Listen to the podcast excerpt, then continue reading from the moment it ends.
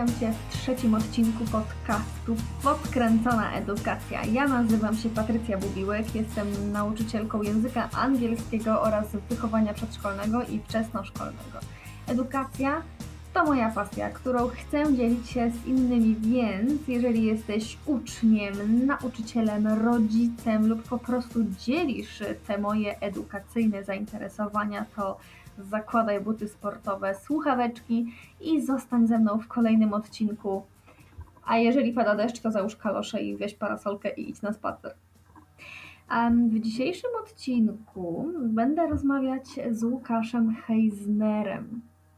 Łukasz jest anglistą y, oraz takim, można powiedzieć, nauczycielem teatralnym. I trochę będziemy rozmawiać o teatrze, natomiast głównym tematem dzisiejszego odcinku są kolonie. Kolonie, czyli te nasze wakacyjne obozy albo obozy językowe. I teraz, czy warto jeździć na takie kampy? E, co tam się dzieje? Co tam się wyrabia z tą młodzieżą? No i czy taki diabeł straszny rzeczywiście, jak go niektórzy malują? E, czy sześciolatki mogą brać udział w takich koloniach? Hm? Jak myślicie? Wszystkiego dowiecie się z dzisiejszego odcinka, z dzisiejszej rozmowy z Łukaszem. Zapraszam. Stresujesz się czymś takim? Nie, no wiesz co, zupełnie. A, aż mnie to dziwi, nie? że tak na ludzie podchodzę, więc by tak dalej. Tak ma być. Dobra. To lecimy. Cześć Łukasz! Cześć. Jak się dzisiaj czujesz, bo u mnie jest taki upał, że się nie da oddychać. Wyśmienicie, bo mam klimatyzację włączoną. Super. Ja siedzę na przykład pod kocem, bo jest mi duszno, ale jest mi zimno w nogi. Dobra. Yy, słuchaj. Yy, chciałam dzisiaj z Tobą porozmawiać yy, o koloniach, o obozach językowych, trochę też o teatrze, bo wiem, że zajmujesz się teatrem, o muzyce i o byciu nauczycielem, anglistą, mężczyzną. Chociaż wiem, że są mężczyźni nauczyciele angliści, wiem, ale przyznaj, że pewnie więcej jest kobiet. Hmm? Oj tak, to jest zdominowany zawód mm, no przez właśnie. kobiety, ale dobrze mi w tym, nie będę ukrywał. No, no to super I, i mi się wydaje, że ty jesteś bardzo fajnym nauczycielem w ogóle. A w ogóle to powiem wam wszystkim, że y, mnie po prostu Łukasz, y, ja się zakochałam w Łukaszu, jak zobaczyłam y, na twoim stories, jak ty udawałeś Smurfa Gargamela. Jak byłeś umalowany na niebiesko i jak, y, nie pamiętam, co, coś, coś rozdawałeś, gdzie to w ogóle można znaleźć? Ty coś rozdawałeś i mówiłeś takim, y, czekaj, ważniaka. Ty mówiłeś, tak. ty, ty ważniaka tam odgrywałeś i, y, i ten, i właśnie ważniaka udawałeś tym jego głosem, tak idealnie ten głos udawałeś. I to, co to było w ogóle?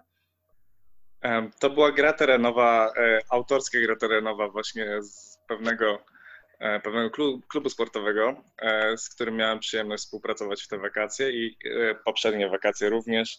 Naprawdę kreatywność organizatorów takich wypoczynków jest coś cudownego. Naprawdę nie mogłem wyjść z podziwu, kiedy sam zobaczyłem, co jest przyszykowane dla dzieci i sam czasami zazdroszczę dzieciom, że mogą brać udział w takich naprawdę świetnych wydarzeniach. Właśnie. Myśmy tego nie mieli. Czy mieliśmy? Ja nie pamiętam. Ja nigdy Oj, nie, nie byłam na koloniach, więc nawet nie wiem. Dobra, Łukasz, to tak. Zacznijmy od początku, żebyśmy wszyscy wiedzieli, z kim my mamy do czynienia. Kim jesteś, co robisz na co dzień, e, co lubisz? Okej, okay. E, więc nazywam się Łukasz Heisner. E, na co dzień jestem nauczycielem języka angielskiego. W wolnych chwilach gram na gitarze i śpiewam. Jestem wokalistą. Zdarza mi się miewać koncerty teraz w Warszawie, niegdyś w Lublinie. I co? W wolnych chwilach, jeśli uda mi się jeszcze znaleźć więcej czasu, zdarza mi się też porysować. Bardzo kocham gotować e, i jeść. Może nie wyglądam, ale tak jest. E, w każdym razie muszę przyznać, że nienawidzę siedzieć w miejscu i nic nie robić, więc e, energia rozpiera mnie do tego stopnia, że muszę znaleźć sobie zawsze jakieś zajęcie. Mhm. A możesz powiedzieć nam jeszcze, ile masz lat? Mam 26 lat. 26. E, dobra, super. Ja nie wiedziałam, że ty tak lubisz jeszcze rysować. A czekaj, a to co udostępniałeś ostatnio, jakieś rysunki na Instagramie, to były twoje rysunki? E, nie, akurat były to prace mojej koleżanki, e, która niedawno otworzyła wernisaż w Warszawie w mhm. Domu Artysty Plastyka. Aha, no to czyli Łukasz światowy człowiek. Jego wizerunek można zobaczyć na tym wernisażu, prawda? Tak, zgadza się. No. Miałem ten zaszczyt akurat pojawić się na wystawie nie tylko osobiście, ale również jako, jako mm, prawda, model jednej z prac. No, no, no widać, że cię energia rozpiera i dużo rzeczy robisz. To prawda. E, muzykujesz? Muzykujesz? Tak, muzykuję. Muzyka od zawsze mi towarzyszyła od najmłodszych lat, więc tak naprawdę bez muzyki i bez jakiegoś kreatywnego działania ciężko byłoby mi funkcjonować. Mhm. Fajnie, fajnie. A jaką muzykę grasz? E, to znaczy, nie chciałbym siebie szufladkować ani e, ustawiać w pewne kategorie, jednak najwięcej e, czerpię inspiracji z muzyki reggae. Dużo słuchałem niegdyś rocka, metalu też. W tej chwili tak naprawdę staram się nie skupiać na jednym gatunku, lecz czerpać z poszczególnych gatunków i zbierać ciekawe pomysły. Mhm. Super, fajnie. I kiedy Cię będziemy mogli usłyszeć? Y, to znaczy, bo koncertujesz, generalnie koncertujesz, nie? Tak, tak, zdarza mi się koncertować. Mimo ostatniej niesprzyjającej, prawda, e, okoliczności, teraz akurat będziemy ruszać z powrotem z koncertami, więc mam nadzieję, że uda się znów stanąć na scenie. A czy ty masz jakiś zespół, który się jakoś nazywa, czy jakoś tak losowo z tymi muzykami tam się bawicie? bawicie? W tej chwili gramy raczej losowo, e, występujemy jako wokaliści.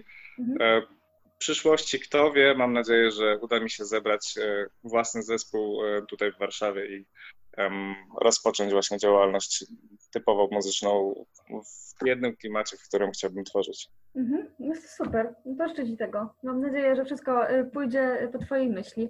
E, ale Bardzo przede wszystkim jesteśmy tutaj dlatego, że Ty jesteś nauczycielem języka angielskiego. Tak, zgadza się. No właśnie. I powiedz mi, jak Ty się czujesz jako anglista wśród y, takiego, wśród kobiet, bo to jest miejsce zdominowane właśnie przez kobiety. Y, wiesz o co mi chodzi? Czy na przykład y, rodzice dzieci ma, albo czy dzieci mają jakieś y, problemy czasami z tym, że, że będzie nas uczył pan i, i tak dalej? Myślę o tych mniejszych dzieciach. Nie wiem, mhm. uczysz takie mniejsze dzieci też? Zda, zdarzało mi się mieć lekcje z, klas, z klasami wychowania, wychowania wczesnoszkolnego, jednak e, muszę przyznać, że te młodsze dzieci chyba jeszcze bardziej były zaciekawione lekcjami z nauczycielami płci męskiej, mhm. E, bo właśnie cały czas są otaczane nauczycielkami płci żeńskiej, więc um, myślę, że to jest taka pewnego rodzaju atrakcja dla dzieci, e, że przychodzi w końcu jakiś pan, jeszcze z nietypową fryzurą, prawda, dredy na głowie, to już naprawdę może być coś ciekawego, może coś się zadziać e, naprawdę niesztampowego, nie takiego, co możemy spotkać, prawda, codziennie jak dotąd. A, a czy ten pan przychodzi też z gitarą? Zdarza się, jeśli są to dzieci z wychowania wczesnoszkolnego, to znacznie częściej niż w starszych klasach, jednak e, tak, często staram się przepleść muzycznie e, moje lekcje, używając nie tylko właśnie muzyki, ale też czasami dramy mm. i elementów właśnie takich typowo teatralnych, których wyniosłem z teatru. No właśnie, bo ty jesteś aktorem teatralnym. E, już nie jestem. E, przez 4 lata grałem w teatrze muzycznym ITP przy Katolickim Uniwersytecie Lubelskim e, i tam zagrałem około 90 spektakli. Wow, to jest dużo chyba, prawda? Oj tak, jeden wow. tytuł, Wesele Dawida, zresztą mój ulubiony spektakl, zagraliśmy około 30 razy. Był to naprawdę wyczerpujący spektakl, jednak o wszystko się opłacało i naprawdę zagrałbym jeszcze kolejne 30, gdybym mógł. A czy można Cię teraz gdzieś jeszcze zobaczyć w jakimś teatrze? Tej chwili y, nie, choć nie ukrywam, że ciągnie mnie jeszcze na scenę teatralną. Gdyby zebrała się grupa teatralna, albo gdybym znalazł taką grupę teatralną, która e, rzeczywiście dałaby mi możliwość rozwoju i udziału w naprawdę jakimś fajnym projekcie, Czemu nie? Mm, super, super. Warszawo, Warszawo. Warszawo. No dobra, y, ale ty mi wspominałeś, że ty prowadziłeś teatr y, w jakiejś szkole, tak? E, tak, jak dotąd y, prowadziłem, a raczej współprowadziłem koło teatralne w szkole, w poprzedniej szkole, w której pracowałem. E, I było to koło teatralne tak naprawdę, do którego dołączyłem. E, w pierwszym roku swojej pracy. Tam wraz z polonistką e, przygotowywaliśmy dzieci nie tylko do występów, ale też pod kątem podstawowych umiejętności aktorskich i zadań teatralnych dla prawdziwego aktora. Mhm, super. I powiedz mi, po co dzieciom teatr? Po co się mają dzieci uczyć takich rzeczy? Bo wiem, że. Mhm, no, mów. Więc moim zdaniem teatr jest bardzo potrzebny, bo przede wszystkim uświadamia dzieciom e, wiele rzeczy, takich jak choćby emocje. E, ta inteligencja emocjonalna bardzo się rozwija podczas takich zajęć. E, dzieci czasami dowiadują się, że nie potrafią niektórych rzeczy przekazać w odpowiedni sposób, czy słownie, czy też komunikacją niewerbalną. I dzięki właśnie takim zajęciom myślę, że dzieci mogą to jakoś rozwinąć i pomóc sobie przede wszystkim, e, ułatwić właśnie komunikację z innymi ludźmi. E, to jest pierwsza rzecz. Druga rzecz to przede wszystkim otwarcie się też na e, innych ludzi, umiejętność dostosowania się do różnych sytuacji, wplatając w zajęcia elementy dramy i improwizacji. Naprawdę dzieci mogą wiele skorzystać i nauczyć się takiej elastyczności życiowej, mógłbym tak to nazwać. Mhm. A czy to prawda, że y, dzieci podczas takiej teatralnej nauki y, uczą się swojego ciała, y, panować nad swoim ciałem? Wiesz, nie chodzi mi tam o, o głos czy o emocje, nie, tylko chodzi mi o postawę, o tak, tak stricte fizycznie. Oczywiście. E, moje pierwsze zajęcia teatralne, które przeprowadziłem praktyczne, bo dzieliliśmy zajęcia na e, zajęcia z tekstem, e, zajęcia właśnie edukacji takiej jakby emocjonalnej, ale też mieliśmy właśnie zajęcia typowo ruchowe, podczas których e, przygotowywaliśmy dzieci właśnie, tak jak wspomniałaś, e, do poznania swojego ciała, jakiejś takiej większej świadomości wykonywania różnych ruchów, E, zaczynaliśmy od mm, chodzenia w kółku, powtarzania e, czyjegoś kroku, e, tworzenia własnych, unikatowych sposobów chodzenia, które inni powtarzali. Mieliśmy również ćwiczenia na ziemi, na których dzieci uświadamiały sobie nacisk prawda, ciężaru ciała na posadzkę. Mieliśmy również ćwiczenia, w których dzieci miały akurat okazję stworzyć razem maszynę z własnego ciała, mm, prawda, mm, zbudować e, maszynę z wielu elementów, e, które tworzyły właśnie inne dzieci. Także naprawdę jest sporo aktywności, które e, mogą rozwinąć właśnie takie postrzeganie swojego ciała i świadomość właśnie tak, taką ruchową. Mhm. Super, czyli teatr dla dzieci jak najbardziej. A powiedz mi, tak jeszcze y, ciągnąc ten teatr, y, uważasz, jak, jak patrzysz na dzieci, nie? Bo domyślam się, że ty uczyłeś y, dzieci od, od jakiego wieku? Tak już od siedmiolatków na przykład już się bawiły w ten teatr, czy troszeczkę starsze? To znaczy, jeżeli chodzi o mm, tą grupę teatralną, najsilniejsza grupa, która, z którą można było pracować regularnie, była to grupa mm, klas powiedzmy od czwartej do tej siódmej młodsze dzieci akurat e, występowały sporadycznie w jakichś epizodach, więc akurat nie mieliśmy możliwości e, pracowania regularnego z, z takimi dziećmi. Jednak kiedy przygotowywaliśmy choćby jasełka, również była taka możliwość, żeby przynajmniej przez miesiąc mieć pewną grupę, która raczej się nie zmieniała. Mhm. I powiedz mi, czy y, dzieci y, tak patrząc na dzieci, nie? Na dzieci po prostu. Y, jesteś w stanie powiedzieć, że są dzieci y, teatralnie, y, to tak chyba można powiedzieć, teatralnie utalentowane i, te, i takie, które w ogóle nie, dają, nie dadzą rady, czy to jest tak wszystko do wypracowania, do wyćwiczenia? E, to znaczy, przede wszystkim to jest kwestia chęci, prawda? E, więc e, podejście jest kluczowe w takiej sytuacji. Owszem, niektóre osoby są bardziej sztywne, tak bym to nazwał, i nie mają takiej swobody i teatralnej, i ruchowej, żeby siebie pokazać i zaprezentować, powiedzmy, jakiś spektakl. E, jednak dajemy taką szansę e, takim osobom. Może się spełnią w inny sposób. Jeśli bardzo nalegają, że chcą wystąpić i e, czują się na siłach, owszem, staramy się dać jakieś narzędzia i wypracować to, tworząc warsztaty do takiego stopnia, żeby rzeczywiście te umiejętności poprawić. A jeśli dzieci są rzeczywiście uzdolnione bardziej teatralnie, bo mówisz mi, spotkałem niektóre dzieciaki, które w moment potrafiły złapać wiele ról, e, przygotować e, naprawdę kreatywnie własne e, postaci, a zdarzyły się też dzieci, które po prostu, no, za przeproszeniem, były też drewnem, które po prostu najlepiej sprawdzałyby się w roli drzewa. Aha, czyli, czyli y, jest potrzebny jednak y, jakiś taki talent, nazwijmy to. Są po prostu osoby, które się do tego nadają, a są osoby, które się do tego nie nadają po prostu, albo potrzebowałyby dużo więcej czasu poświęcić, tak, żeby, żeby być lepszym w tym.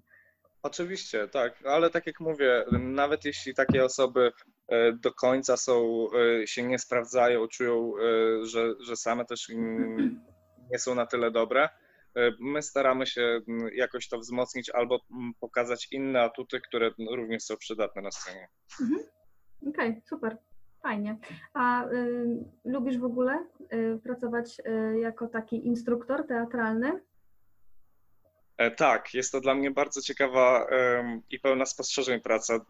Zauważyłem naprawdę wiele e, przez ostatnie lata, ucząc różne grupy, bo miałem do czynienia z nie tylko dziećmi, ale też e, pracowałem przez pewien okres z grupą w Monarze, e, przygotowując e, taki cykl spektakli dla, skierowanych dla przedszkola. Więc hmm. projekt był dość wymagający i ciekawy, ale naprawdę wiele doświadczenia wyniosłem z niego. I tak naprawdę każda grupa, e, z którą miałem do czynienia, miałem, miałem, to była przyjemność pracy i w każdej grupie mogłem zdobyć naprawdę wiele doświadczenia, a przede wszystkim e, poznać te osoby, które mimo, że nie zawsze chciały i nie do końca były świadome tego uczestnictwa, udziału w, tym, e, w tych przedsięwzięciach, mimo wszystko końcowy efekt pokazywał, że dawały z siebie wszystko i, i to najba, najbardziej było wynagradzające. Mhm, ale super, fajnie. A powiedz mi, czy na przykład, e, bo ty już jesteś, e, jesteś aktorem teatralnym, jesteś po praktyce, e, a powiedz mi, a ja na przykład, która z teatrem nigdy nie miała nic wspólnego, jakbym chciała jakieś koło teatralne założyć w szkole, byłabym w stanie to zrobić dobrze? Nie wiedząc nic, tylko po prostu mając scenariusz mhm. i mniej więcej wyobrażać sobie, jak te dzieci mogłyby zagrać i tylko bazować na, wiesz, tak jak nas uczyli w szkole, nie? Yy, mhm. Na jakieś tam, yy, jak to się, jak się nazywają w grudniu, na te jasełka, nie? Jakiegoś aniołka tak, tak. tam gra i niech tak mówi. Myślę, że byłabym w stanie, to znaczy mi nie chodzi, ja teraz jestem takim potencjalnym nauczycielem, nie aktorem, nie? Rozumiem. E, mhm. To znaczy, myślę, że tak. E, przede wszystkim trzeba mieć jakąś wizję tego. E, trzeba e, mieć pomysł i widzieć to e, tak jak reżyser, prawda? Ty w roli reżysera chciałabyś, prawda, żeby to wyglądało. To jest, to jest pierwsza rzecz. Taki zamysł, plan na to to jest numer jeden. No i kolejna rzecz, no, moim zdaniem, tak naprawdę, jeśli jest już plan, to wystarczy tylko zebrać odpowiednich aktorów, e, rozejrzeć się za odpowiednimi e, wskazówkami. Warto też skorzystać z pomocy innych nauczycieli, choćby polonistów, mhm. którzy na pewno choćby nawet tekstowo pomogą znaleźć odpowiednie dzieła, które mogłyby być wystawione. Mhm. Okej, okay, dobra, zobaczymy. Więc tak naprawdę nie widzę przeszkód. E, warto spróbować swoich sił. E, no jesteś młodą nauczycielką, wiesz, wszystko przed tobą. Tak naprawdę no nic nie, nie stoi na przeszkodzie. tym bardziej jeśli są chęci, to. Znaczy wiesz, ja, ja tak się po prostu zastanawiam, y, czy jest sens, nie, żeby tacy nauczyciele, którzy nie mają doświadczenia teatralnego, czy jest sens, żeby oni y, uczyli takich uczniów, bo wiesz, mogą ich nauczyć rzeczy, które potem ciężko będzie na przykład oduczyć w przyszłości. Wiesz o co chodzi, nie? Mogą popełniać no, jakieś tak, błędy. Mhm, rozumiem. Chociaż y, no, jeśli to jest przygotowywanie jasełek, to raczej nie będzie to y, aż tak szkodliwe w moim odczuciu. Ale jeśli jest szczera chęć spróbowania tego, tak jak mówię, jeszcze skorzy- skorzystać wystarczy z pomocy e, jakiegoś e, polonista albo kogoś, kto mógłby się na tym znać choć trochę i myślę, że wszystko pójdzie dobrze. No, widzicie, warto, warto próbować. Okej, e, to już dowiedzieliśmy się o tobie dużo fajnych rzeczy. Jesteś bardzo ciekawym człowiekiem, artysta. Dziękuję. Artysta po prostu. Super. E, No dobra, to e, przejdźmy do tych kolonii i obozów językowych. E, Ty jesteś wychowawcą kolonijnym? Czy jak tak, to jestem się nazywa? wychowawcą kolonijnym od chyba pięciu lat, jeśli dobrze pamiętam, albo sześciu. Okej, czyli byłeś stu- studentem, tak? Jak zacząłeś być tym wychowawcą. Okej, em, co trzeba zrobić, żeby zostać takim wychowawcą kolonijnym, czy tam opiekunem kolonijnym? Czy to trzeba jakieś kursy skończyć? Tak, przede wszystkim trzeba mieć ukończone 18 lat. E, W tej chwili kurs e, wychowawcy kolonijnego można zrobić również przez internet, e, co jest bardzo ułatwiające dla niektórych, tym bardziej gdy gonią terminy i termin obozu się zbliża dla niektórych. W każdym razie kurs wychowawcy kolonijnego można zrobić też stacjonarnie. Ja na przykład zrobiłem swój kurs w biurze podróży w Lublinie. Biuro podróży bodajże nazywało się Lutur. Mhm. E, Zresztą polecam, bo e, kurs był dość krótki i niedrogi. Jest to mm, tak naprawdę mm, koszt powiedzmy około 100 zł, więc e, warto zainwestować takie pieniądze, ponieważ e, dokumenty, certyfikat ukończenia takiego kursu e, już e, pozostaje do końca życia. Mhm, super. No i powiedz mi, e, jak w ogóle to wygląda? E, Powiedzmy, że już masz papier, żeby być tym opiekunem kolonijnym, umawiasz się z jakąś tam firmą e, jako wychowawca i czy oni na przykład rekrutują, oni jakoś wybierają tych wychowawców, czy biorą po prostu co jest, aby, aby ktoś chciał? Jak to, jak to wygląda? To znaczy tak, e, z mojego osobistego doświadczenia wszystko wyglądało tak, że e, akurat miałem znajomych, którzy e, organizowali e, takie wyjazdy. E, Jednak zwykle jest tak, że wychowawcy kolonijni albo szukają takich ofert i to oni zgłaszają się jako wychowawcy, albo biura podróży, którzy, które wypuściły takich wychowawców, proponują pracę w kolejnych latach, zaraz po ukończeniu takiego kursu. Hmm, Okej.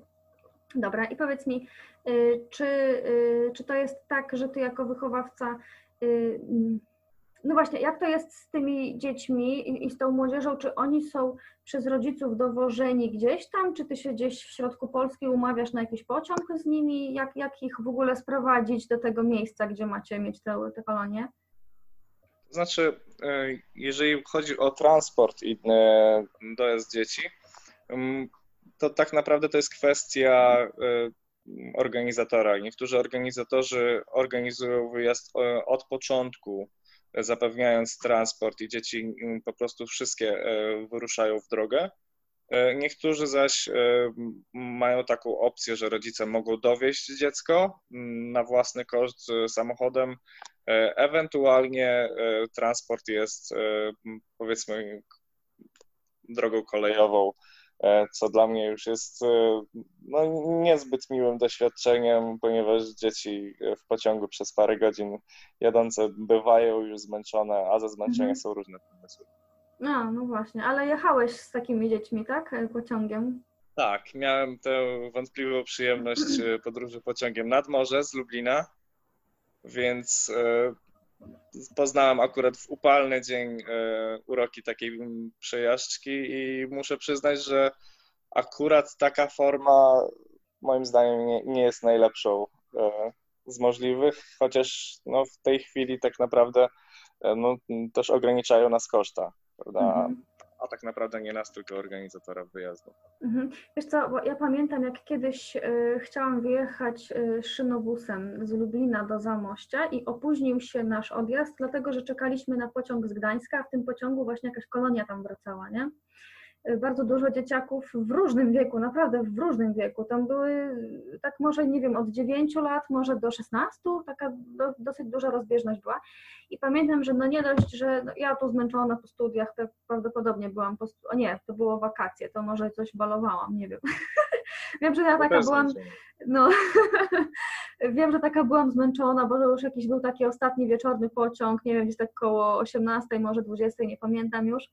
Czekaliśmy na ten pociąg z Gdańska i nagle przyjechał i z tego pociągu tak sru, te wszystkie dzieci wypłynęły, lecą do tego naszego szynobusu. Dwoje było wtedy, nie wiem ile tych dzieci było, 30, 40, strasznie dużo było, bardzo dużo było.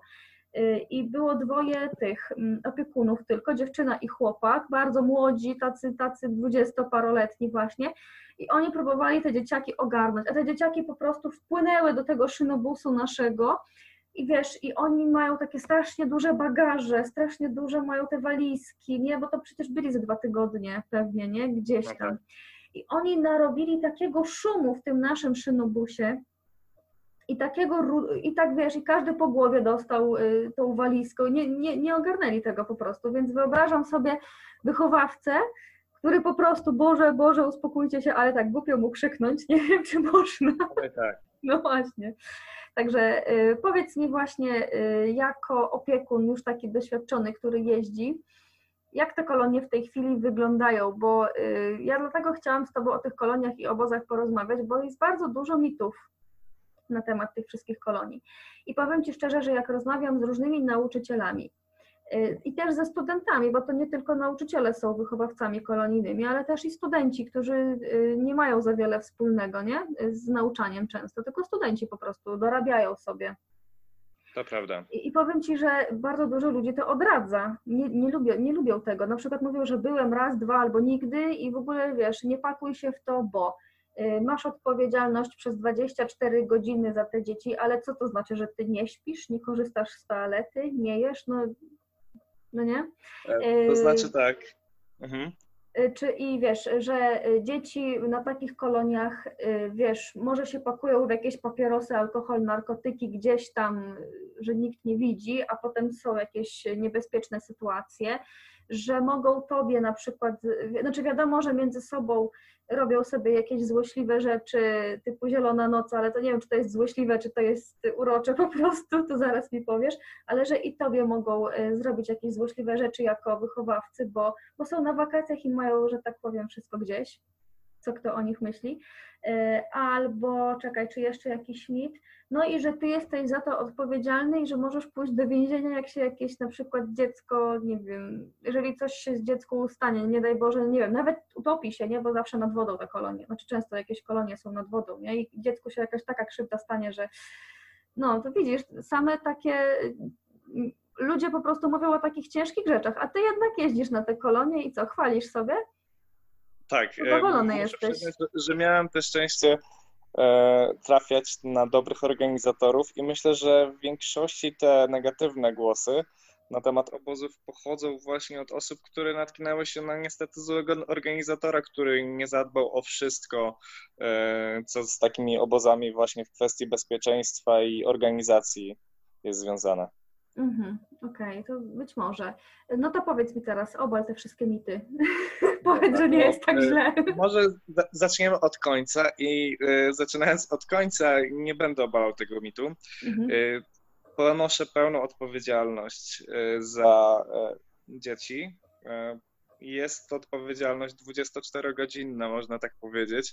Jednak nie jest tak, że nie mogę spać, prawda? Nie zmrużę oka tylko dlatego, że muszę czuwać nad swoimi pociechami. E, Jest tak często, że umawiamy się między wychowawcami e, na dyżury nocne, więc e, ta opieka nad dziećmi jest cały czas i nigdy nie, nie było tak, żeby dzieci mogły się poczuć pozostawione bez opieki. Jeżeli chodzi o krzywdę, jaką, jaka może się wydarzyć dzieciom, em, owszem, odpowiadamy, odpowiadałbym prawnie, jeśli ten, jeśli takiemu dziecku coś by się stało i rodzice, e, prawda, e, złożyliby jakiś wniosek. Jednak e, tak naprawdę dbając o e, to bezpieczeństwo dzieci, e, tłumacząc i przedstawiając zasady bezpieczeństwa e, i kontrolując to przede wszystkim, e, no minimalizujemy to ryzyko do praktycznie zera, a jeżeli już coś się dzieje, nie jest to tak naprawdę z naszej winy i staramy się doprowadzić do jak najlepszego zakończenia takiej sytuacji. Powiedzmy, mamy wyjazd na narty, dziecko łamie nogę, no to opiekun wyjeżdża z tym dzieckiem do szpitala i jest z nim, prawda, przez większość tego czasu, w którym dziecko, prawda, ma wizytę lekarską i wszystkie rzeczy, prawda, wszystkie badania przeprowadzone. Mhm. A powiedz mi, ile dzieci i ile opiekunów jest na jednym, na jednej takiej, na jednym takim obozie? To znaczy tak, zależy od liczności całego obozu, bo obozy są różne. Zwykle jest e, taka zasada, e, która przyświeca wszystkim wychowawcom, że na jednego wychowawcę powinno być maksymalnie 15 dzieci. Mm-hmm. Więc mm-hmm. to jest, e, to jest pierwsza i główna zasada organizacji takiego wypoczynku. Wychowawców nie może być mniej niż, niż tak jak wspomniałem, niż występuje na, E, w, w takich przepisach, prawda, e, wyjazdów i organizacji wyjazdów e, wypoczynkowych. Co jeszcze? Mm, zgubiłem myśl. Mhm. No, a, po, a, powiedz mi, a jakie są obowiązki w ogóle tych wychowawców? Czy wy jesteście absolutnie za wszystko, za każdą minutę obozu odpowiedzialni, czy ktoś wam tam pomaga? E, więc tak, e, zależnie od e, charakteru obozu, bo miałem akurat okazję pracować w różnych miejscach. Na początku zaczynałem od, od obozów strażackich i mm. tam akurat były zadania z musztry strażackiej i tym podobne prowadzone przez strażaków, więc akurat podczas takich zajęć tylko pełniłem opiekę, obserwując te zajęcia, prawda? Mhm. E, lub dbając o ich prawidłowy przebieg, czyli żeby inne dzieci ich nie zakłócały, powiedzmy. Mhm. E, natomiast jeśli chodzi o inne e, rodzaje obozów typu obozy językowe, to ja jako nauczyciel również prowadziłem zajęcia, więc ten czas był nieco bardziej intensywny, bo poza prowadzeniem zajęć musiałem też opiekować się jedną grupą prawda? E, natomiast ostatnio brałem udział w obozach sportowych i podobnie jak e, z obozami strażackimi, brałem udział w zajęciach sportowych biernie, choć były niektóre aktywności, z których ja mogłem skorzystać, choćby z zajęć żeglarstwa, gdzie wypływaliśmy większymi żeglówkami razem na jezioro. No super. To w ogóle dla wychowawcy to jest po prostu fajne doświadczenie, prawda? Bo nie dość, że możesz sobie pojeździć po Polsce i po świecie też, to jeszcze możesz jakieś nowych aktywności popróbować tak naprawdę, nie? Jak masz, masz taką możliwość. To jest bardzo e, fajne doświadczenie. Wiele można tak naprawdę zobaczyć i skorzystać samemu. E, tak jak wspominałem, e, niektóre rzeczy są tak świetnie zorganizowane i tak pomysłowo, że sam żałuję, że nie jestem o te 10 lat młodszy y, albo 15 y, i nie mogę skorzystać z tego jako uczestnik, prawda? Mm-hmm.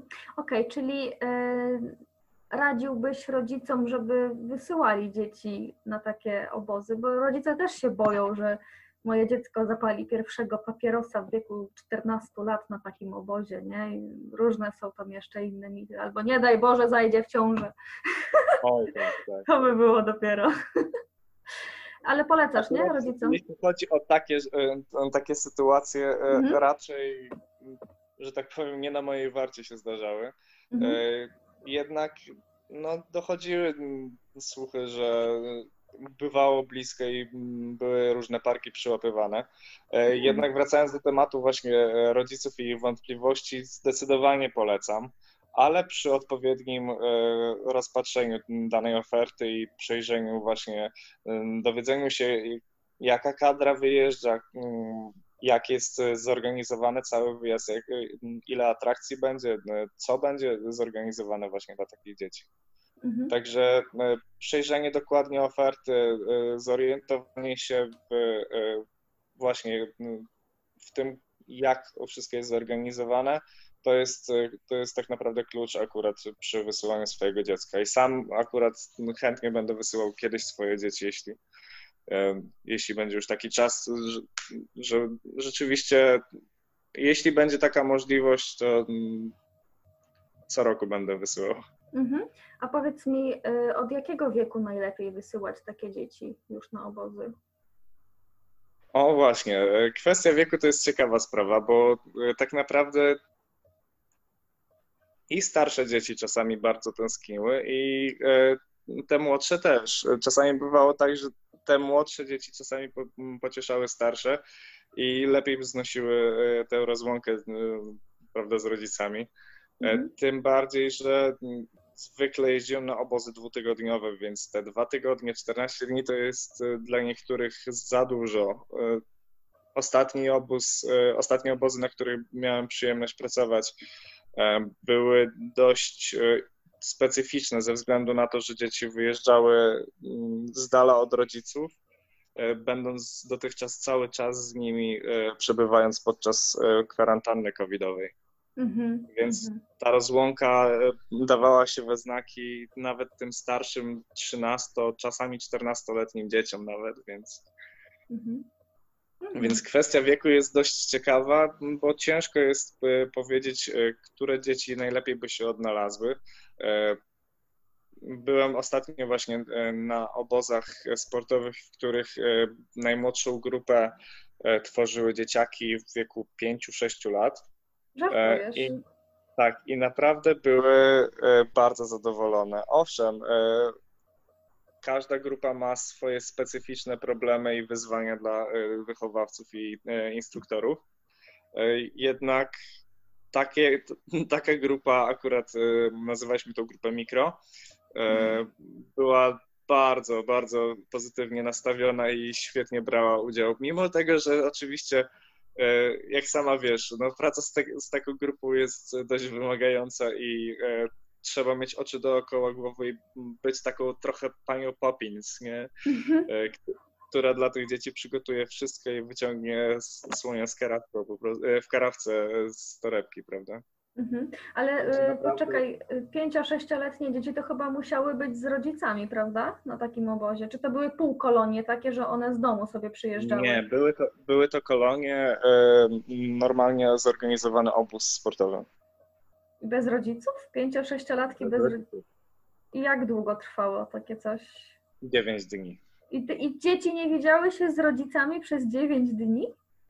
Tak, zgadza się. Jednak umożliwialiśmy kontakt e, telefoniczny. Dzieci mogły codziennie zadzwonić do swoich rodziców e, i opowiedzieć o swoim dniu. Owszem, bywały momenty dramatyczne, kiedy dzieci już naprawdę zatęskniły mocno.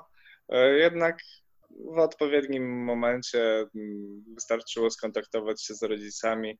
No i przede wszystkim podejście rodziców jest bardzo ważne w takich sytuacjach e, i przedstawienia tej rozłąki samej e, jako coś normalnego, nic złego, prawda? I tak naprawdę pokazaniu dziecku, że mimo tego czasu z dala od siebie i tak są blisko. Mhm. Ale powiedz mi, e, jak wyglądała opieka nad takimi dziećmi? Popatrz, ja pracuję z pięcio-sześciolatkami, e, pracowałam w tym roku szkolnym, nie? I przecież tak, no dobra, one się same obsłużą, e, wszystkie podstawowe rzeczy i w toalecie, i, w, i przy jedzeniu ok, same sobie poradzą, ale przecież ubrać, czy, czy to one miały jakieś takie opiekunki, opiekunów, którzy ich, nie wiem, no bo tak, mieszkali parach w pokojach razem? Y, musieli się e, to znaczy, tak, e, przygotować? Dzieci miały, mhm, dzieci miały e, specjalne, przygotowane domki i spały w domkach razem z wychowawcami. Wychowawcy tak naprawdę musieli się zajmować tymi dziećmi przez większość czasu, jeżeli chodzi o te młodsze, prawda, dzieci. Mhm no z tą obsługą, e, samą obsługą bywało różnie, prawda? Trzeba było wszystko kontrolować. E, i sprawdzać, czy dzie dzieci zmieniają bieliznę, czy trzymają brudną bieliznę i ubrania w oddzielnym miejscu, z dala od czystych ubrań, mhm. czy mają wystarczającą liczbę ubrań, prawda, czy wszystko jest przygotowane, powiedzmy, nie wiem, kurtka przeciwdeszczowa, pianka do windsurfingu i tak dalej, i tak dalej. Okej, okay. no wiesz co, ja po prostu sobie nie wyobrażam, wiesz, nie wyobrażam sobie, jak dużo, y, jaka to jest ogromna odpowiedzialność po stronie tych, y, tych osób, które się opiekują, y, bo ty byłeś jako opiekun tych dzieci, czy ty byłeś jako tak, ten od rozrywki, od nauki i tak dalej? E, to znaczy, e, w tym roku pełniłem rolę e, wychowawcy, jednak tak naprawdę wychowawca to jest też animator.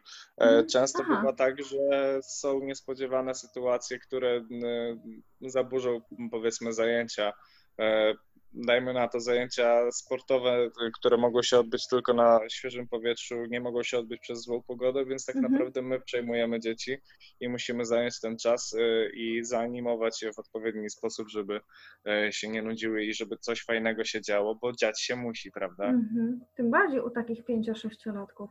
Jejku, a wiesz, to tak mnie, tak mnie zaskoczyłeś, ja aż nie mogę uwierzyć, że takie malutkie dzieci jeżdżą, bo ja myślałam, że ty mi powiesz tak, no taka najlepsza grupa to tak od 10 roku życia, nie? To już są takie dzieci, co i, i same wszystko zrobią i, i możesz na nich nie patrzeć przez godzinę, bo sobie same ze sobą poradzą, nie? I, i, i się czegoś nauczą jeszcze można z nimi podyskutować jakoś e, inteligentniej już, nie? A to kurczę, sześciolatki, no jejku, nie wyobrażam sobie, ale jak to fajnie uczy te dzieciaczki małe y, takiej samodzielności, prawda? Oj tak, e, muszę przyznać, że no, wiele dzieci już nie tylko w wieku 5 czy 6 lat, e, no jednak potrzebują takiej lekcji e, właśnie radzenia. Dla nich to jest survival. Naprawdę zauważyłem, że no jak 11 czy tam 12 latek nie potrafi umyć gąbką naczyń, to już to już coś świadczy, albo kiedy dziecko nie potrafi umyć zębów e, szczoteczką analogową, tylko jak dotąd elektryczną myło. To naprawdę cieka ciekawe spostrzeżenie to budzi. Mhm. E, ale muszę przyznać, że pięcio i sześciolatki są bardzo fajną grupą, ale tak jak już wspomniałem, wymagającą. E, wspomniałaś o 10-11-latkach mhm. i najczęściej takie grupy dostaję. E, mam chyba po prostu takie szczęście do, e, do tej grupy wiekowej. I e, to też jest ciekawa grupa i też ma wiele rzeczy, których bym się nie spodziewał może po 11-latkach jako nauczyciel, a wychodzą po prostu tak zwane kwiatki w innych warunkach, bo prawda, spędzamy ze sobą bardzo dużo czasu w niektóry, dla niektórych, w odczuciu niektórych może to jest za dużo czasu spędzonego razem i wtedy mm, powstają różne ciekawe sytuacje. Ale ciekawe czy nieciekawe? E, to znaczy e, ciekawe, dla mnie e, to jest ciekawa rzecz, kiedy na przykład po dłuższym czasie dziecko, które powiedzmy jak dotąd było kompletnie nietowarzyskie i e, od samego początku sprawiało wrażenie, jakby czuło niechęć e, do całej grupy. Przy odpowiednim poprowadzeniu to dziecko tak naprawdę stało się, można powiedzieć, liderem e, i pierwszym takim prowodyrem w zabawach i organizowaniu czasu wolnego. Ale też w drugą stronę, tak jak powiedziałem, no, dla niektórych dwa tygodnie obozu prawda, no, łóżko obok łóżka, powiedzmy, wiadomo, w, od, w odpowiednich odstępach e, w dzisiejszych czasach, e, to jest za długo. E, I są problemy, prawda? Ktoś mi zajął suszarkę, ktoś postawił źle, źle szczoteczkę do zębów, ktoś użył mojego mydła i, i tak dalej, i tak dalej. Oczywiście kto, ktoś mi zabrał coś, potem okazuje się, że zagubiona rzecz była na dnie torby, czy tam walizki, więc naprawdę mnóstwo jest ciekawych takich rzeczy i myślę, że nawet jeśli dochodzi do jakichś starć e, lub zgrzytów między uczestnikami obozu, to jest potrzebne i te dzieci uczą się też e, właśnie takiego innego przebywania z rówieśnikami niż tylko w szkole czy na podwórku, bo jednak te warunki e, są specyficzne i zmuszają do, do innych zachowań niestandardowych. Może nie, albo inaczej, może do zachowań, do których się te dzieci nie przyzwyczaiły. Ta- do takich zachowań, których nie mają w domu może, prawda? Nie mają okazji. Dokładnie. No właśnie, bo jeżeli wszystko w domu robi mama i tata, a ja tylko jestem od tego, żeby się uczyć, nie, to y, mogą być zaskoczone. Kurczę, Oj, super. tak. Ale wiesz co, też fajnie powiedziałeś, że jakieś tam, y, że na przykład jakieś takie skryte i nieśmiałe dzieci mogą nagle stanąć w pozycji lidera, nie? I, i, czy, I teraz popatrz, jakie to jest ciekawe, czy to jest ich ukryta cecha, której nie są w stanie w swoim środowisku pokazać, czy to jest taki szybki rozwój na przykład, nie? One same się może nie spodziewają, że tak, że tyle mogą, że na tyle ich stać. Myślę, że mm, why not both w sumie, Mhm. bo z jednej strony e, myślę, że to jest też e, cecha, która gdzieś tam głęboko była skryta, ale przy odpowiednim bodźcu, jakim może być wychowawca albo też grupa, te dzieci naprawdę tą cechę w moment jakoś e, eksponują i jeszcze bardziej rozwijają, więc mm, naprawdę to jest e, niesamowite uczucie e, zauważyć tak, taki rozkwit, tak, tak bym to mógł nazwać, Mhm. dziecka podczas takiego wyjazdu.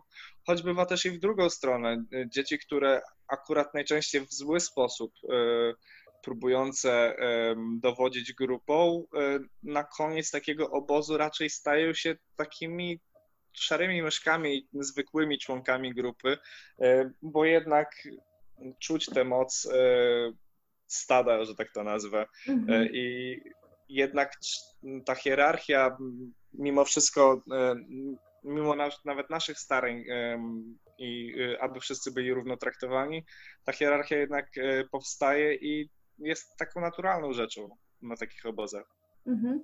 Dobra, to teraz y, powiedz mi, powiedz mi tak jeszcze szybciutko, zanim Ci zadam następne pytanie, czy zdarzyło Ci się mieć, y, zda- zdarzyło Ci się spotkać z jakimś swoim y, podopiecznym, na przykład w następnym roku, czy zdarzyło Ci się, zdarzyło Ci się te same dzieci y, mieć pod opieką? E, Tych samych e, dokładnie nie, ale e, często bywa e, tak, przez ostatnie dwa lata, akurat ws- m, współpracując z jednym klubem sportowym, e, miałem okazję spotkać e, swoich byłych podopiecznych i to fajne wspomnienie i na kolejnym obozie, widząc, że te dzieci są już pod e, opieką kogoś innego, e, fajnie jest wymienić się doświadczeniami e, i spostrzeżeniami z, z tych dwóch różnych lat, bo no, widać, prawda, różnicę i rozwój tego dziecka w różnych sferach. I naprawdę jest to ciekawe, choć wolałbym kiedyś spróbować właśnie sw- swoich sił ponownie i sprawdzić, jak to dziecko się zmieniło e, na przestrzeni, prawda, jakiegoś czasu. Mhm. Dobra, y, czy możesz y, nam opowiedzieć o jakichś nieprzyjemnych sytuacjach, które Cię spotkały na obozie? Jeżeli chcesz i możesz. E, nieprzyjemne sytuacje.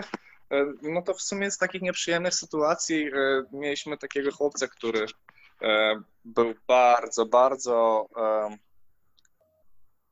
buntowniczy, tak mógłbym to nazwać, i za wszelką cenę próbował e, naginać e, wszystko, co, co robiliśmy, e, wszystko, co powiedzieliśmy, wykorzystywał tak jakby przeciwko nam. Oczywiście w swoim złym, błędnym mniemaniu. Jednak okazało się, że chłopiec no bardzo, bardzo potrzebuje skupić na sobie uwagę grupy. Nie wiedział w jaki sposób to zrobić. Potem próbował naprawdę różnych złych rzeczy, już nie będę mówił e, jakich. e, e, No, środki, które, które stosował, aby ściągnąć tą atencję, były no, czasami przerażające, wręcz obrzydliwe. E, nie. Więc no, cho choćby wysmarowanie nutellą e, deski klozetowej e, w pokoju dziewczyn. O nie, o Boże, to jest okropne. Że to, mam nadzieję, Bardziej, że to była nie Nutella. wiedzieliśmy- Tym bardziej, że nie wiedzieliśmy skąd wytrzasnął Nutella, a była to Nutella, bo bo on to e, sprzątał sam, prawda? Więc... No tak, ale mówi się, że y, najwięcej miłości potrzebują te dzieci, które na to teoretycznie nie zasługują, nie?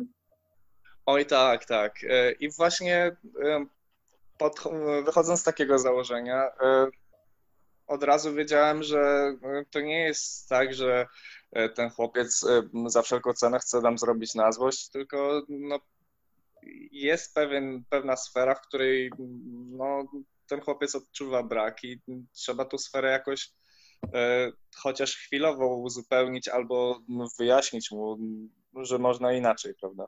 Mhm. Okej. A y, jeszcze, jeszcze jakieś miałeś ciekawe sytuacje? A powiedz mi, co dzieciaki w ogóle robią y, na takich koloniach y, między sobą, nie? Są, nie wiem, czy są na przykład jakieś bójki albo jakieś inne takie nieprzyjemności. Wiesz, ja, bym- ja bym chciała coś takiego ciekawego, bym chciała coś od ciebie Aha, wyciągnąć, dobrze. wiesz? E, To jeśli chodzi o bójki, zdarzały się. O, e, owszem, i to, i to nie raz. E, Często e, byłem świadkiem właśnie takich starć, akurat na samym początku, więc można to było dość szybko ugasić. Jednak, tak jak mówiłem, w, w kontekście takiej wyrabiania takiej hierarchii w grupie, w stadzie, kto jest samcem alfa, prawda? No zdarzały się właśnie takie, e, takie starcia. No jedno z nich e, akurat e, zakończyło się lekkim tam ukruszeniem zęba u, jedne, u jednego chłopca.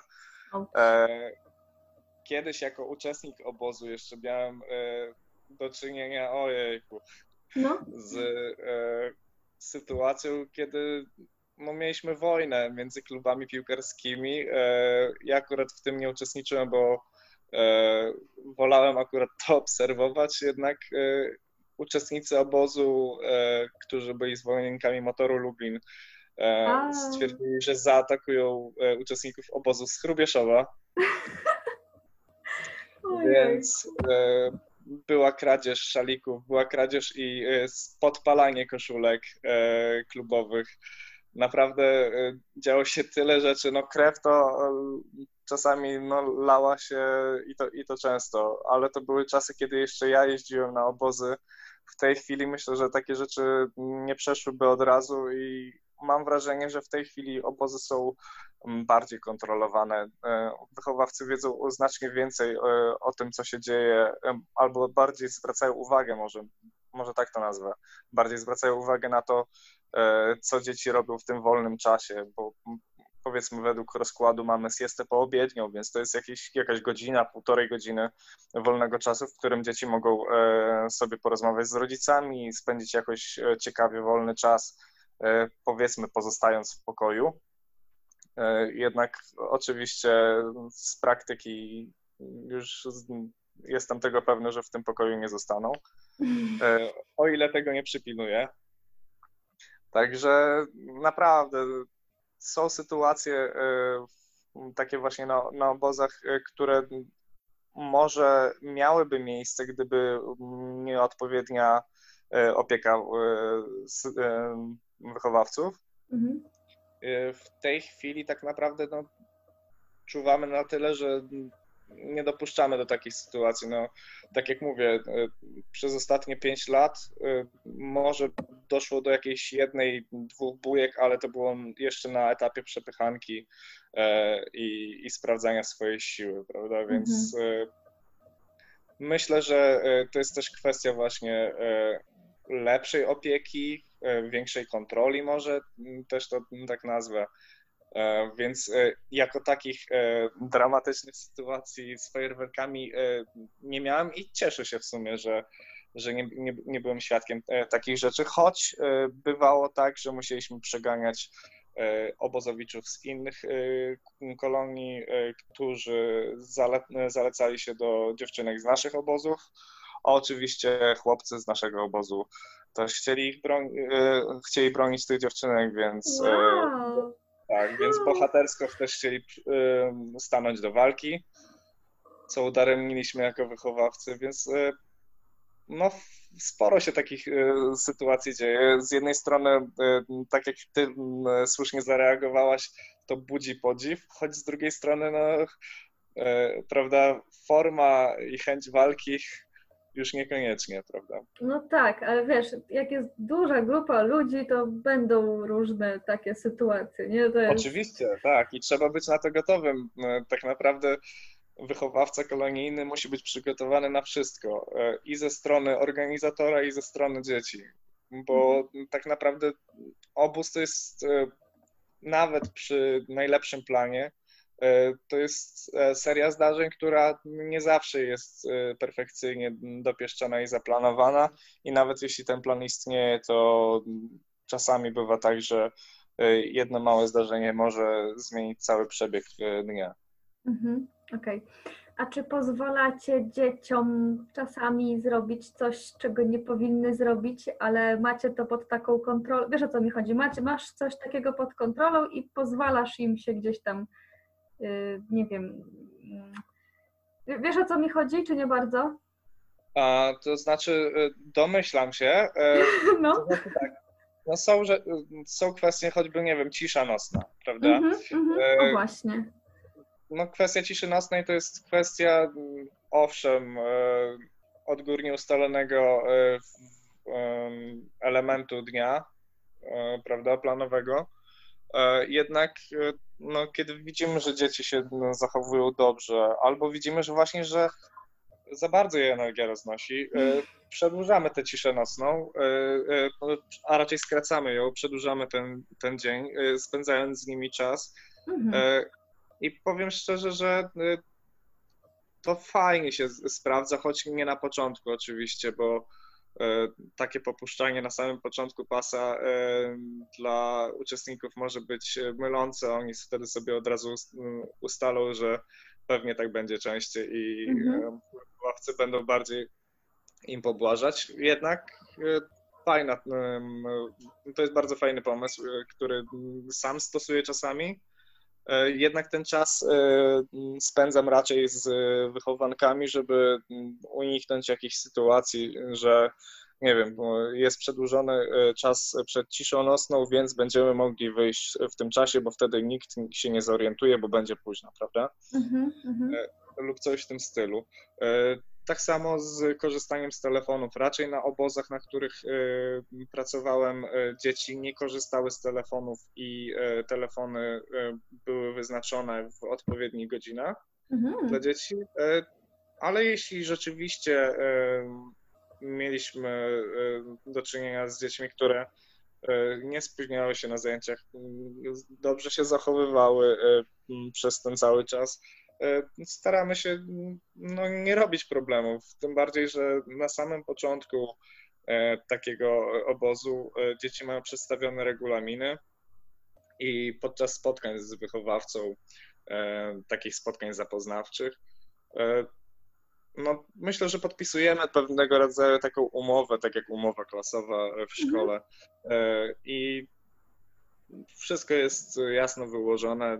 Dzieci e, wiedzą, mm, jak mają postępować, żeby żyć z nami w zgodzie, bo tak naprawdę, tak jak nauczyciel, tak samo wychowawca, no nie ma e, żadnego interesu w tym, żeby swojemu uczniowi czy, czy też wychowankowi dopiec i Mhm. uprzykrzyć życie, wręcz przeciwnie, prawda? Chcemy, żeby ten e, czas był dobrze spędzony przez dzieci, a jeśli ten czas jest spędzony dobrze przez dzieci, to i my jako wychowawcy go dobrze spędzamy, prawda? Mhm. Okej, czyli y, trzymamy się zasad, ale y, jesteśmy elastyczni, jeżeli jest taka potrzeba, po prostu. Oczywiście. Na Mhm. początku warto jest egzekwować te zasady i to dość surowo, e, żeby wychowankowie nie mieli poczucia em, swobody, takiej zupełnej swobody i e, braku jakiejś kontroli e, nad tym. Jednak, tak jak mówisz, e, po jakimś czasie naprawdę warto e, coś takiego przeprowadzić. Wtedy dzieci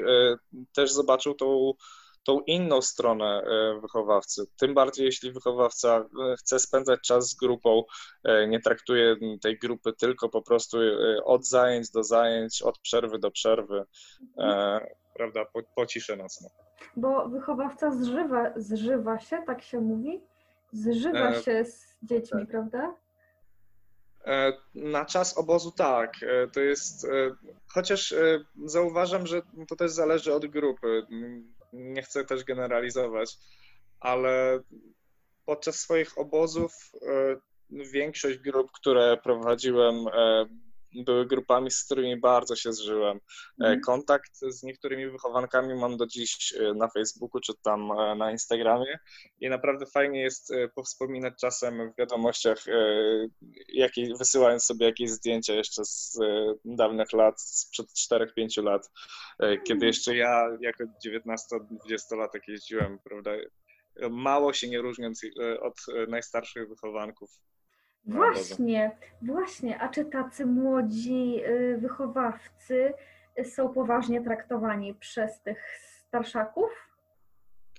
No właśnie, zależy też y, y, o jakich starszakach mówimy.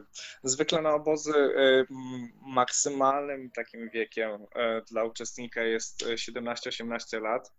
I przyznam, no. że na samym początku, jako wychowawca 19-letni jeszcze, Miałem z tym e, nieco wątpliwości e, co do tego, bo nie wiedziałem, czy rzeczywiście będę traktowany na, na tyle poważnie, e, żeby wyrobić sobie autorytet i liczyć na, na szacunek, najzwyklejszy szacunek od, wychowa- od wychowanków.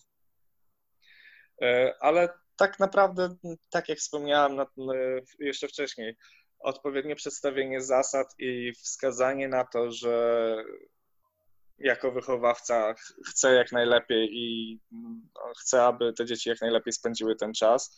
I fakt, że traktuję ich po partnersku, mimo że jestem wychowawcą, e, i właśnie korzystając z tego młodego wieku, e, właśnie taka umowa była świetną rzeczą, e, na którą właśnie przystały dzieci i to tak naprawdę od razu, a miałem na pierwszym obozie jako dziewiętnastolatek najstarszą grupę od 15 do 17 lat. No kurczę, no to oni byli praktycznie w twoim wieku, nie? Byliście w równym tak. wieku, i, ale oni musieli się ciebie słuchać i i w ogóle i ogarnąłeś to, daliście radę. Czułeś, czuje, tak, czułeś, daliśmy że ten... radę, ale mhm. chyba też dlatego, że dzieci nie wiedziały ile mam lat. Chyba nie były do końca mm. świadome. Dopóki nie zaprosiły mnie na Facebooku do znajomych, y, nie miały jeszcze tej świadomości. Potem e, byli bardzo zdziwieni. No widzisz. No bo jednak wiesz, jednak ci młodzi nauczyciele nie są czasami traktowani poważnie, nie? Przez młodzież. Ja wiem po sobie, ja jak trafiłam tak. do szkoły językowej, to miałam chyba 24 albo 25 lat, no to już się wydaje, że już byłam bardzo dorosła, ale bardzo młodo wyglądałam i uczniowie myśleli, że ja mam 19-20 i oni tak tyle, że po imieniu do mnie nie mówili, nie? Momentami. A właśnie, a mówią do wychowawców y, po imieniu, czy na pan, czy jak się zwracają do ciebie? O, właśnie. Y i tutaj mamy e, terminologię. Mhm. E, na początku, e, jeżdżąc na obozy strażackie, panowało tam właśnie nazewnictwo per druchu. Zwracaliśmy się do siebie druchu, jako że byliśmy członkami obozu strażackiego, młodzieżowych drużyn pożarniczych. Na obozie sportowym jesteśmy raczej trenerami, bo większość kadry ma wykształcenie sportowe, więc e, większość e, z wychowawców e, było trenerami poszczególnych aktywności. I mówili do ciebie trenerze? Trenerze? Tak, byłem, tre byłem trenerem. Tak, tak byłem no. trenerem. Na początku było to dla mnie dość zabawne. Szybko się przyzwyczaiłem akurat. A już na obozach językowych to było proszę pana, choć najstarsi próbowali mówić po imieniu, mhm. E, i skracać ten dystans. Mhm. A, y, ale, mm, no dobra, ale nie ma takiej, y, to nie jest popularne, że mówi się do wychowawców po imieniu? Raczej, raczej na pan albo tam. Raczej nie. Nie spotkałem się jeszcze z, z czymś takim, chyba że rzeczywiście e, członek e, kadry wychowawczej jest, jest na tyle młody, powiedzmy ma dopiero skończone 18 lat i jest znajomy, no to wiadomo, będą się zwracać do siebie na ty.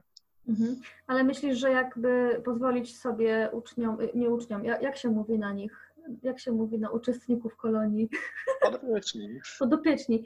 Jakby tak po, pozwolić podopiecznym, y, mówcie mi Patrycja od samego początku, to oni by mogli trochę tym nie mieć jakiegoś takiego autorytetu we mnie potem, albo nie słuchać się mnie i tak olewać trochę? Myślę, że to znaczy tak.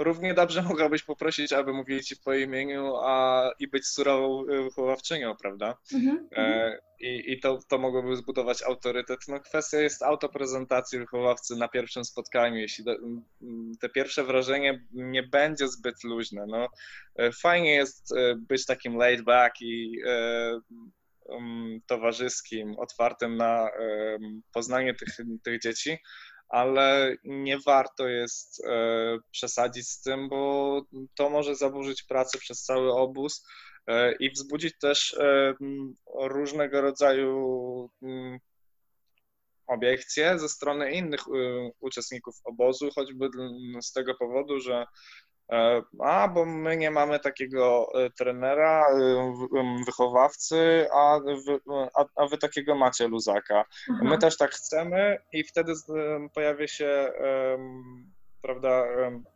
porównywanie wychowawców, który jest fajniejszy, który jest gorszy.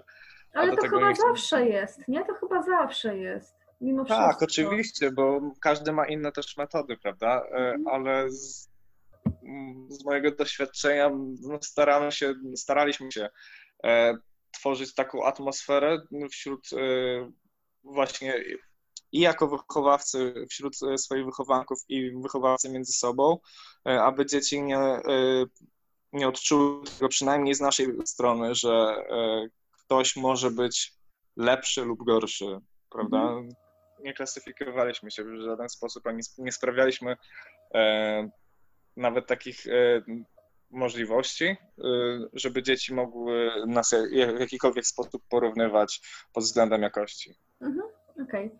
super. A powiedz mi, Łukasz, teraz, czego Ciebie nauczyły te wyjazdy?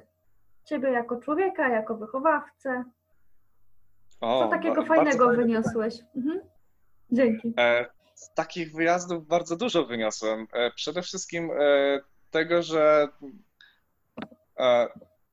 będę to chyba robił dalej e, przez e, parę jeszcze lat i będę to robił dalej choćby z tego względu, że mm, no, pierwszą rzeczą tak naprawdę, mm, czego mnie nauczyły te obozy, to jest docenianie tego, co mamy. Większość uczestników obozów, na których byłem, miała te obozy sfinansowane przez rodziców E, więc nie musiały się w ogóle starać, e, aby się dostać na taki obóz i sobie pojechać. I często zdarzały się sytuacje, że dzieci po prostu tego najzwyczajniej nie doceniały. E, atrakcji, które dla mnie były no, wręcz fantastyczne, cudowne. Nie mogłem czasami wyjść z podziwu jak można być kreatywnym, jak fajne zajęcia można zorganizować dzieciom e, podczas takich wyjazdów, kiedy dzieci były zblazowane i tak naprawdę najchętniej wróciłyby do domu i pograły w Fortnite. O, jejku, okej, okay, czyli, czyli po prostu doceniasz, e, doceniasz, więc bardziej jesteś wdzięczny, tak? E, po tych obozach za to, co masz. Czekaj, czekaj, czekaj, czekaj, dobra, dobra, nagrywamy. Okej, okay. i czego Cię jeszcze te obozy nauczyły, powiedz mi? Co fajnego jeszcze z nich wyniosłeś? Okej, okay, to e, na pewno wyniosłem e, wiele takiej ciekawości świata i jeszcze bardziej chyba złapałem bakcyla do wyjazdów, do wycieczek. E, po raz pierwszy dzięki obozom pojechałem nad morze na dłużej, także nad Polskie Morze. Mhm. I to było naprawdę bardzo fajne doświadczenie. To był akurat obóz językowy. Świetny czas tam spędziłem. Na pewno nauczyłem się też e, organizacji czasu w inny sposób. Mm, praca na obozie dla mnie mm, pokazała też e, tak naprawdę moje możliwości e, i fizyczne, i mentalne czasami.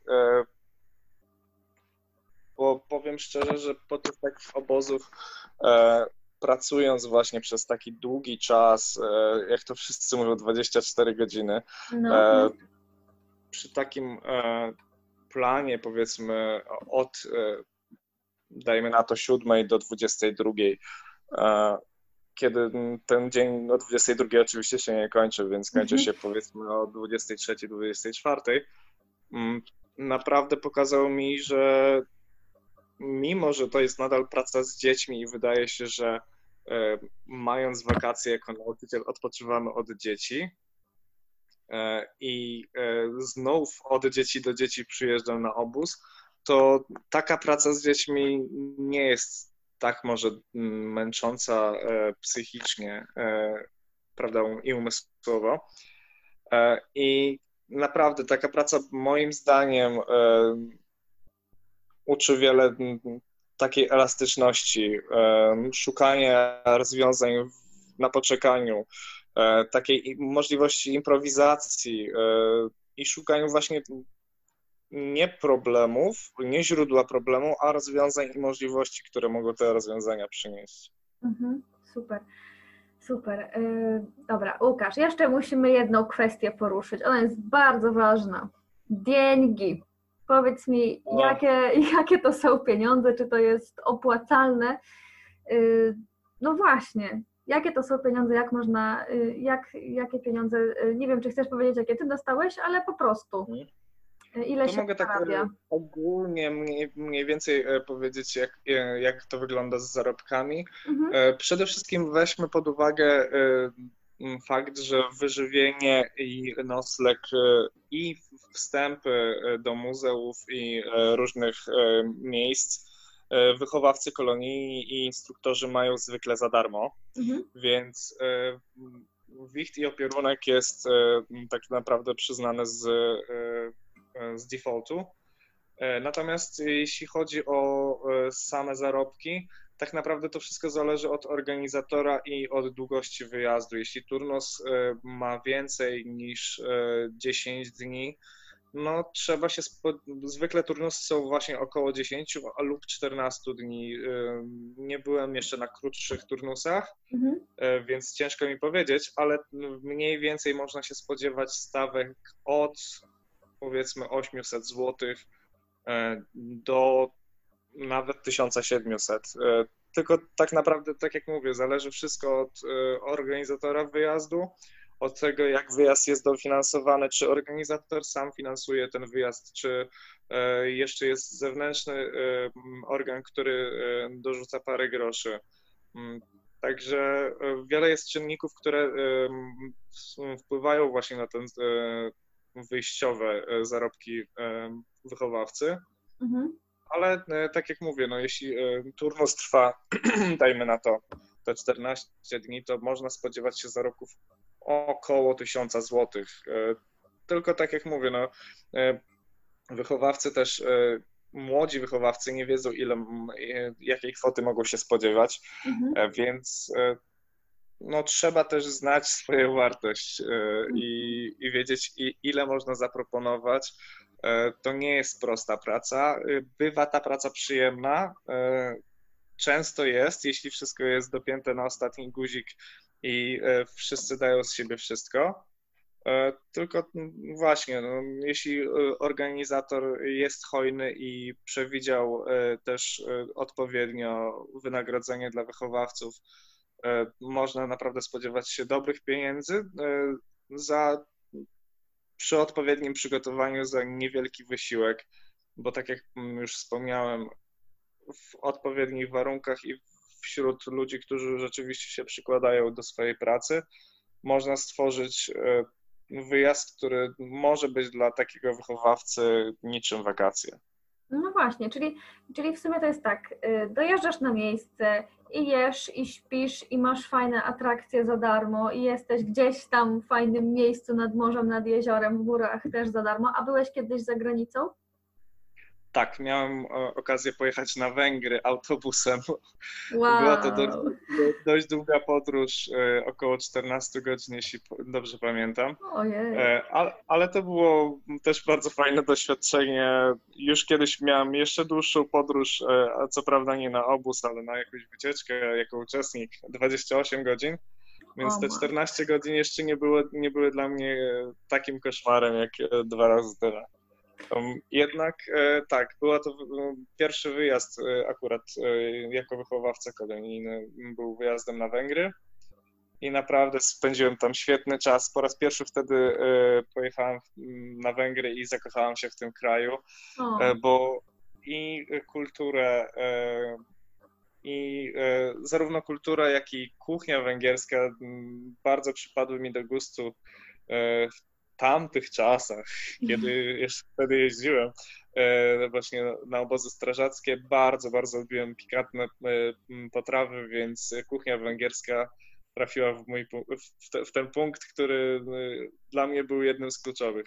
mhm. A powiedz mi jeszcze, ale szczerze, szczerze mi powiedz, Tak. jak wracasz z takiego obozu, to padasz w domu na twarz i trzy dni śpisz?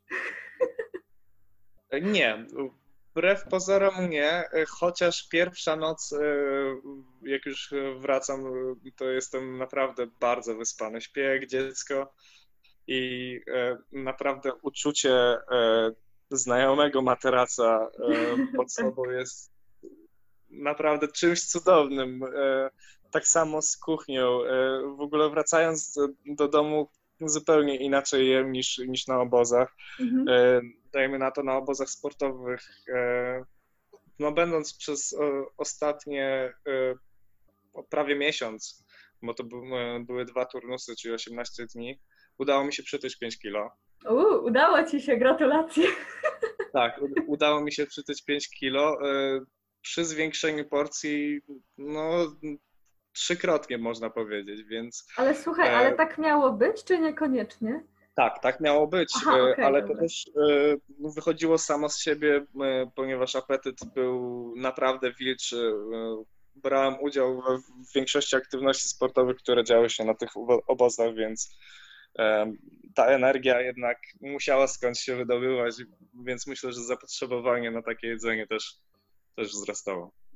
A jeszcze zadam Ci jedno pytanie, e, to tak z ciekawości. E, Czy jeżeli ktoś ma chorobę lokomocyjną, to byłby dobrym wychowawcą? Wiesz o co mi chodzi? Pewnie na koloniach jeździ się autokarami, pływa Oj, się tak. różnymi stateczkami i tak dalej, bliżej dalej.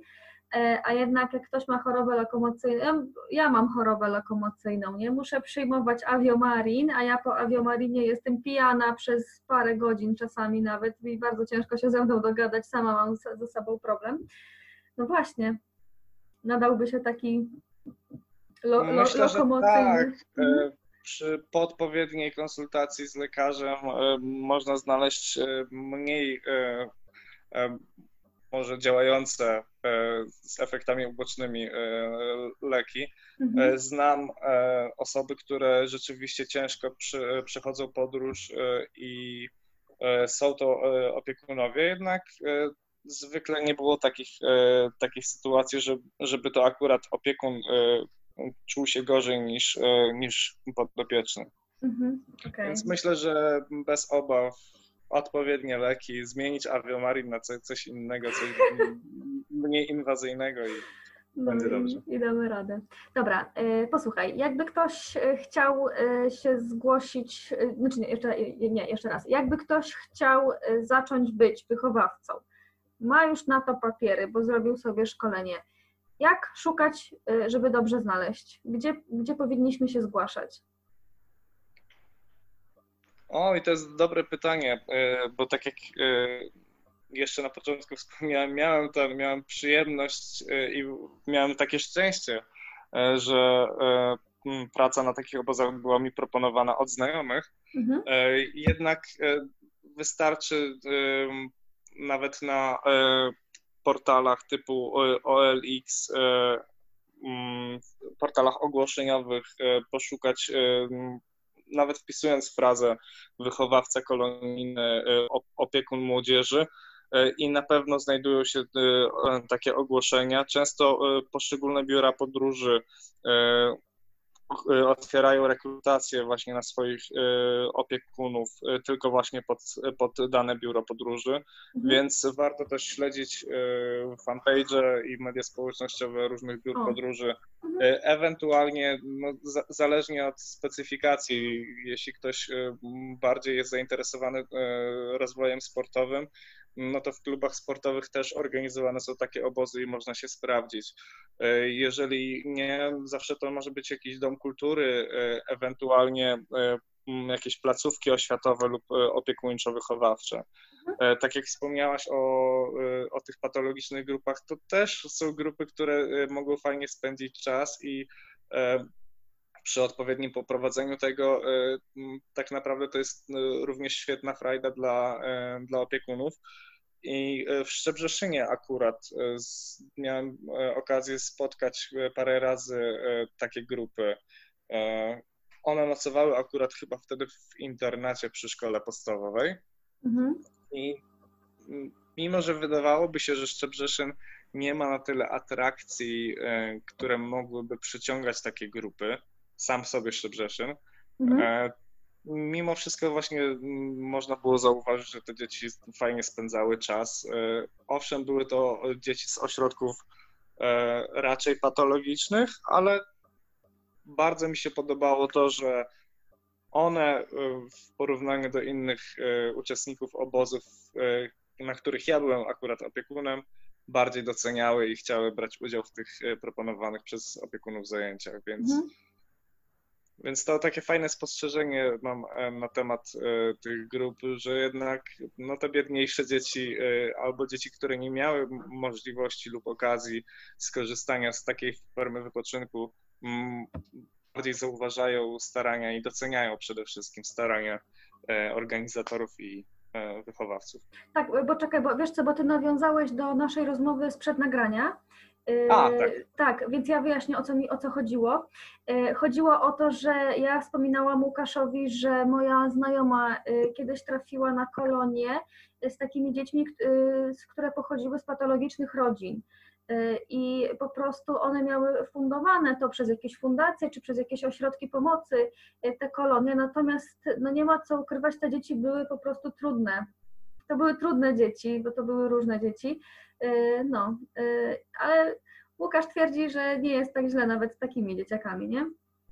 E, tak, myślę, że odpowiednia organizacja czasu i zajęcie tego czasu, wypełnienie go na 100% albo, albo i bardziej sprawia, że e, w takich warunkach nawet, które mogłyby sprzyjać e, głupim pomysłom, tak to nazwę, tak naprawdę mm, uczestnicy nie mają możliwości, nie mają czasu ani ochoty szukać nowych rzeczy, bo mają za dużo e, rzeczy tu i teraz, więc e, muszą się skupić na tym, co, e, mhm. co proponujemy. A takie dzieciaki też potrzebują uwagi, prawda? Oj tak, no bardzo. właśnie i dlatego, dlatego stąd to ich zachowanie, chociaż nie tylko. Dlatego moja rada, jak szukacie, znaczy powiedz Łukasz, czy dobrze, dobrze gadam, jeżeli szukacie po prostu y, jakichś y, miejsc, nie, jak to, jakichś firm, które takie obozy organizują, to dowiedzcie się, z jakimi dziećmi macie do czynienia, żebyście po prostu byli przygotowani na, na takie ewentualności, no bo takie dzieci przecież też mają prawo do, do odpoczynku, do, do fajnych Oczywiście. zabaw na koloniach, prawda? Y, I, a jeżeli trafiacie właśnie na kolonie, które są organizowane dla, dla takich potrzebujących dzieci, to zorientujcie się, czy jak to w ogóle jest przeprowadzane, dowiedzcie się po prostu jak najwięcej. Y, moja przyjaciółka ze swoim już mężem y, byli na takich koloniach, gdzie byli z autystami i u nich na przykład było tak, że na jednego opiekuna przypadało dwóch autystów. I to byli chyba właśnie autyści i, i dzieci z Aspergerem. Y, to były bardzo wymagające kolonie, ale oni są psychologami, oni się znają na rzeczy y, i byli w Krasnobrodzie w ogóle. Krasnobród to jest no roztocze, tak, to jest nasz, nasze roztocze. I Szczebrzeszyn zresztą też. Y, I no ciekawe to są rzeczy, bo to jest zupełnie inna praca. Ale też myślę, tak. że organizatorzy, czekaj, bo coś mi się włączyło, ale też myślę, że organizatorzy po prostu y, nie wzięliby do, y, do takich trudnych dzieci, znaczy nie, trudnych to tak brzydko powiedziane, takich wymagających dzieci nie wzięliby na przykład pewnie opiekuna studenta, mechaniki i budowy maszyn, nie? Tylko... Zdecydowanie. No właśnie. Tam w zeszłym roku jako oligofrenopedagog miałem okazję pracować z dzieckiem z, no właśnie z zespołem Aspergera. I naprawdę wypracowaliśmy. To już akurat była kwestia też pracy jego z terapeutami, ale podczas obozu wypracowaliśmy naprawdę świetny kontakt i mimo trudności i wyzwań, jakie miało to dziecko, dało się zauważyć, że czerpało jak najwięcej, może nawet i więcej niż inni uczestnicy obozu. Mhm. Czyli warto, warto. Sami No się że uczymy, warto. sami się uczymy, sami przeżywamy. I tak sobie myślę, że zanim, zanim w ogóle wytworzymy sobie taką opinię y, na temat tych kolonii, to chociaż raz, raz to zróbmy, nie? Żebyśmy Tak, się tym mogli bardziej, że- dowiedzieć. Dokładnie, tym bardziej, że to jest sporo mm, tak naprawdę sytuacji e, nowych.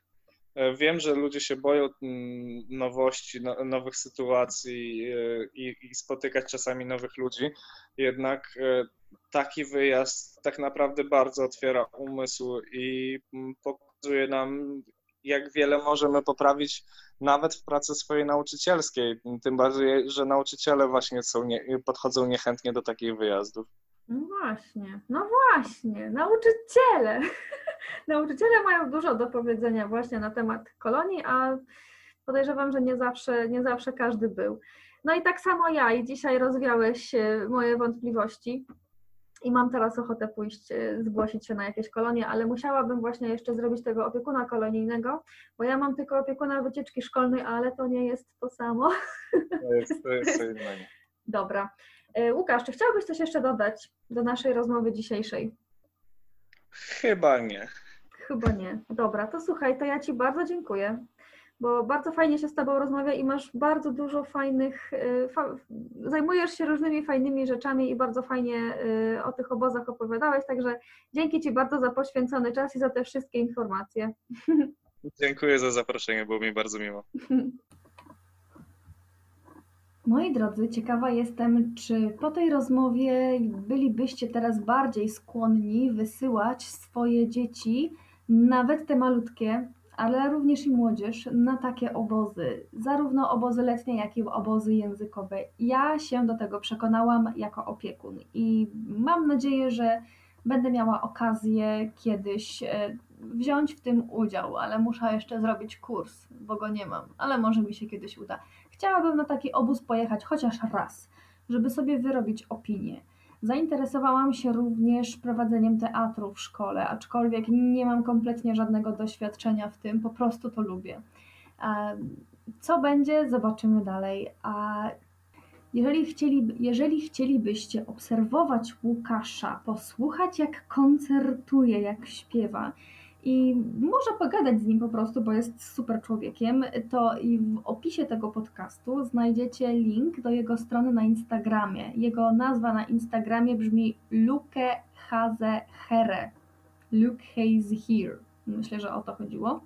Ale jeszcze podam Wam opis, bo, bo trochę to jest skomplikowane jak na, jak na znajdywanie tego konta ze słuchu. To jest, proszę Państwa, taki gościu przystojny, z dreadami, gdzie niegdzie w jakichś okularkach. Na pewno Wam się spodoba jego konto. A jeżeli chcielibyście skontaktować się ze mną yy, i jeżeli chcielibyście wyrazić opinię na temat mojego podcastu, to zapraszam Was do Instagrama. A Właściwie zapraszam Was na Instagram i na Facebooka. Wszędzie jestem oznaczona jako podkręcona edukacja. Podkręcona edukacja Patrycja Bubiłek. Dziękuję Wam za poświęcony czas i słyszymy się e, już niedługo w kolejnym odcinku. Pa, pa!